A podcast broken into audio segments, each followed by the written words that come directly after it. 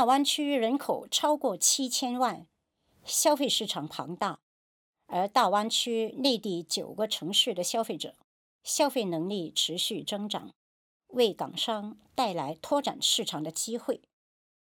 为了帮助港商拓展大湾区市场，香港贸发局做了一个大湾区内地九市消费调查。今天，贸发局大中华区经济师潘卓匡 （CH） 来为我们介绍这次调查的结果。CH，你好。你好。首先，请你给我们介绍一下这个调查包含的范围是哪几个方面，还有主要的调查结果是怎么样呢？这个大湾区内地九市消费调查主要分为五个部分：消费者消费信心和理财态度。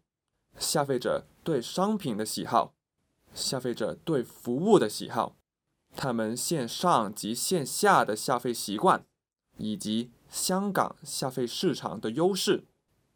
我们在调查中发现，现在大湾区内地九市消费者的消费态度普遍理性而乐观，他们愿意花费更多在高品质的商品和服务。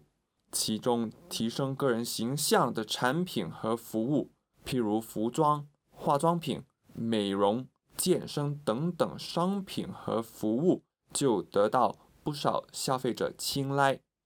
购买商品的时候，消费者喜欢采取线下渠道体验商品、线上渠道下单的消费方式，而消费者觉得香港消费市场最大的优势。是国际化，他们认为在香港可以接触到最时尚及最前沿的商品及服务。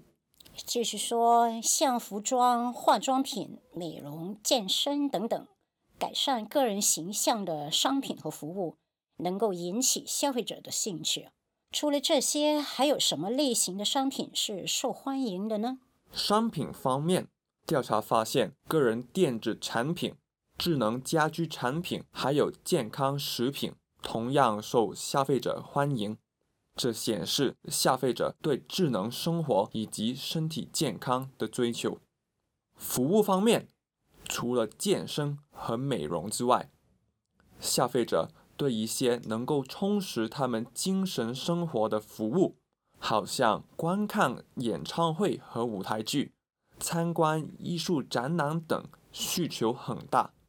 此外，消费者也十分希望市场能提供更多个性化服务，譬如能够帮助消费者筹办生日会、同学聚会、求婚等活动的个性化活动策划服务，就得到不少受访者期待。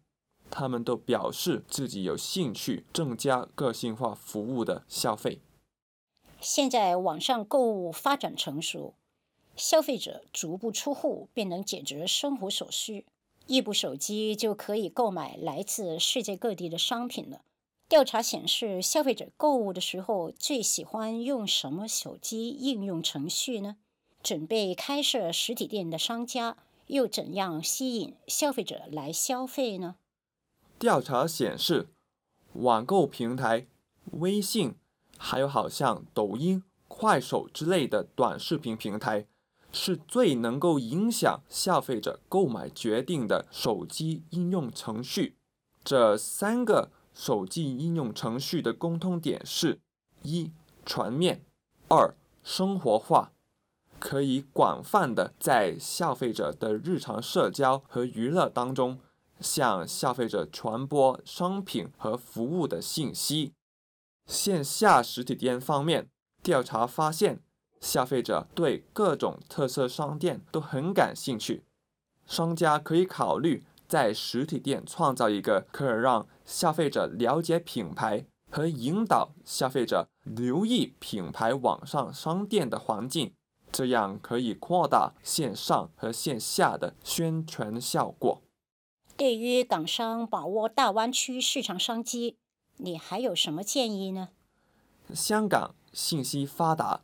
面向国际，港商可以利用香港的特点，为大湾区内地九市消费者提供商品的最新潮流信息和最优质的服务，以期在大湾区拓展市场，挖掘大湾区消费市场的庞大商机。